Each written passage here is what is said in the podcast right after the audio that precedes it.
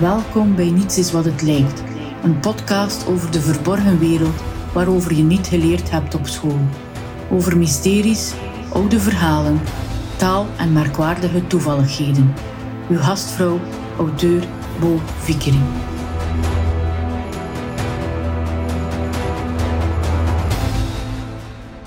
In de derde aflevering van, die de van deze podcast had ik het over de band die wij mensen hebben met vogels. Toen ik de laatste dagen twee keer een auto met een nummerplaat Flamingo opzag, dacht ik: dat is een ideaal onderwerp voor een podcast. Vlamingen hebben een speciale relatie met een vogel met een lange nek, namelijk de flamingo. Je kan geen winkel meer binnenstappen of een website bezoeken en je komt altijd wel ergens de afbeelding van een flamingo tegen. De flamingo is een populair decoratieartikel geworden, kitsch zoals ze dat zeggen. Vorige zomer zag je overal flamingo's. De flamingo, je weet wel, die vogel met een prachtig kleurige waad in het roze die vaak op één poot staat. De herkomst van zijn naam is onbekend. Er zijn echter verschillende theorieën over en je raadt het nooit, er wordt soms ook verwezen naar Vlaanderen. Het woord Vlaams zou volgens sommige auteurs kleurrijk betekenen. De Vlaamse haai is daar het belangrijkste voorbeeld van. De vogel komt niet uit Vlaanderen, het bijvoeglijk, het bijvoeglijk naamwoord Vlaams zou gewoon verwijzen naar zijn kleurenpraat. Al sinds de middeleeuwen werden de kleurrijke Vlaamse stoffen door de Vlaamse wandtapijten in heel Europa verhandeld, van Spanje tot Rusland. Het Romeinse felendres betekent bijvoorbeeld fijne stof uit Vlaanderen. De Vlaamse stoffen en tapijten waren zeer kleurrijk en gewild, dus deze verklaring is heel goed mogelijk. In het Spaans wordt flamingo flamenco uitgesproken, zoals de dans van de Roma de Zigeuners. En weet je wat? De Spaanse flamenco-muziek verwijst mogelijk ook naar Vlaanderen. Flamenco werd door de eeuwen heen gevormd door verschillende invloeden van Keltische, Gotische, Byzantijnse, Islamitische, Fenicische en Iberische culturen. En natuurlijk de cultuur van de Zigeuners. In de smeltkroes van culturele invloeden ontstond in Andalusië de flamenco. Zigeuners worden flamenco genoemd. Flamenco is Spaans voor Vlaming. Hebben de Vlamingen er iets mee te maken? Opnieuw zijn er verschillende verklaringen mogelijk. Flamenco zou landloze boer, gevluchte boer betekenen. Ja, dat is, klinkt echt wel Vlaams. Mogelijk een verwijzing naar de inwoners op de vlucht voor de Moorse overheersing in Spanje.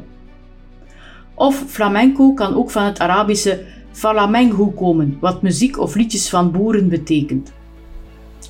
Flamenco in Spanje zou mogelijk ontstaan kunnen zijn naar aanleiding van de komst van keizer Karel V, die in Gent geboren is. Er zouden dansen georganiseerd zijn om hem te verwelkomen onder de kreet Flamenco Bailale, want Karel V werd niet als een echte Spanjaard aanzien, maar als een Vlaming. De arme man. Anderen beweerden dan weer dat de Vlaamse dansers die aanwezig waren gewoon kleurrijke kleren aan hadden, wat de naam heeft veroorzaakt. De flamenco is een dans met plotse schokkende bewegingen van de dansers met hun hoofd en armen. De dansers hebben een trotse houding. Het is een emotioneel intense dans. Er wordt gebruik gemaakt van ritmische klop, het kloppen met de vingerknokels op tafels of met een stok op de grond, met de vingers knipperen of in de handen klappen. Dezelfde beweging maakt, maken de flamingo's, de vogels overigens, tijdens hun paringsdans, het balsen. Vooral de flamingosoort Phenicopterus roseus die je in Andalusië terugvindt, slaat met zijn kop snel halve slagen en slaat zijn vleugels uit. Ik zie dit toch niet onmiddellijk als een Vlaamse volksdans uit het verleden. Vlamingen doen de hukkelbuk op een trouwfeest en zwaaien wel eens met een serviet boven hun hoofd, maar een dans zoals de flamenco Nee, dat zie ik niet onmiddellijk voor me als onderdeel van onze geschiedenis. Maar wie weet, misschien hebben we dit talent in de loop der eeuwen gewoon verloren en is een Vlaamse volksdans uiteindelijk een Spaans cultuurfenomeen geworden. Maar flamenco kan ook verwijzen naar het vurige temperament van de zigeuners. Flamenco zou een synoniem zijn van ruzie of oproer. Dat zie ik dan soms toch weer als een kenmerk van de Vlaming. We doen niets liever dan dingen anders of niet te doen zoals de overheid wil. Flamenco betekent in het Spaans overigens niet enkel Vlaming, maar ook vreemdeling. Oeps, dat is iets wat niet iedereen graag zal horen, dat een Vlaming uiteindelijk ook maar een vreemdeling is voor velen. Zo vurig de flamenco is, zo vurig is de flamingo. Vurig, flamma, flam, Vlaming. Misschien daarom dat we spreken over een heet huf in het West-Vlaams, waarmee ik het niet over mezelf heb natuurlijk. Flamenco zou ook verwijzen naar de zangkoren in de Spaanse kerken. Er waren zangers nodig en Vlamingen konden goed zingen. Ze kregen de bijnaam flamencos. De Vlaamse gezangen werden cantos de los flamencos genoemd en zouden door de Spaanse soldaten die in onze contraien vertoefden zijn overgenomen. Dat wij op massabijeenkomsten zoals Kant tussen Vlaanderen zingt of concerten uit volle borst meezingen, heeft dus zijn reden. De flamingo komt misschien ook niet toevallig voor in onze interieurs. Flamingo's, de vogel dus, leeft graag in barre omstandigheden, zoals bijvoorbeeld zoutvlakten.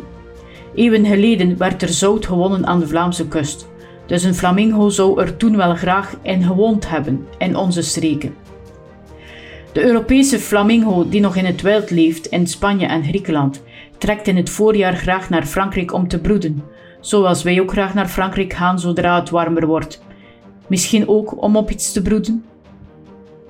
De jonge flamingootjes die gaan naar een soort crash, waar er een paar honderd jonge flamingo's samenleven in grote groepen, zodat de ouders op jacht kunnen gaan.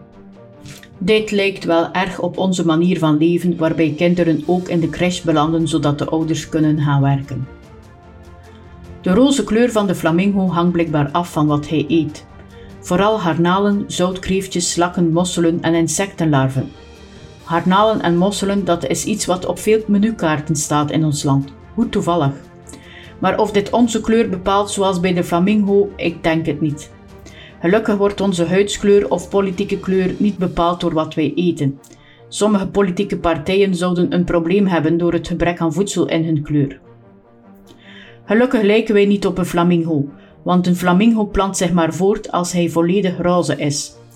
Dan zou het triestig gesteld zijn met onze voortplanting, want wij zijn het resultaat van een eeuwenlange invasie van vreemde overheersers en handel met vreemdelingen in ons land. Romeinen, Vikingen, Spanjaarden, Italianen, Oostenrijkers, Nederlanders, Fransen enzovoort. Ook België en Vlaanderen is eeuwenlang een smeltkroes van nationaliteiten geweest. Een volledig knalroze flamingo is dus zeldzaam. Het bewijs dat Vlamingen en flamingo's iets met elkaar te maken hebben, vind je onder andere bij Lake Natron in, in Tanzania. In de volksmond heet dit meer het meer dat dieren in steen verandert. Engel de flamingo overleeft er. Het meer heeft een rode kleur door magmatisch kalksteen afkomstig van uitbarstingen van een oude vulkaan.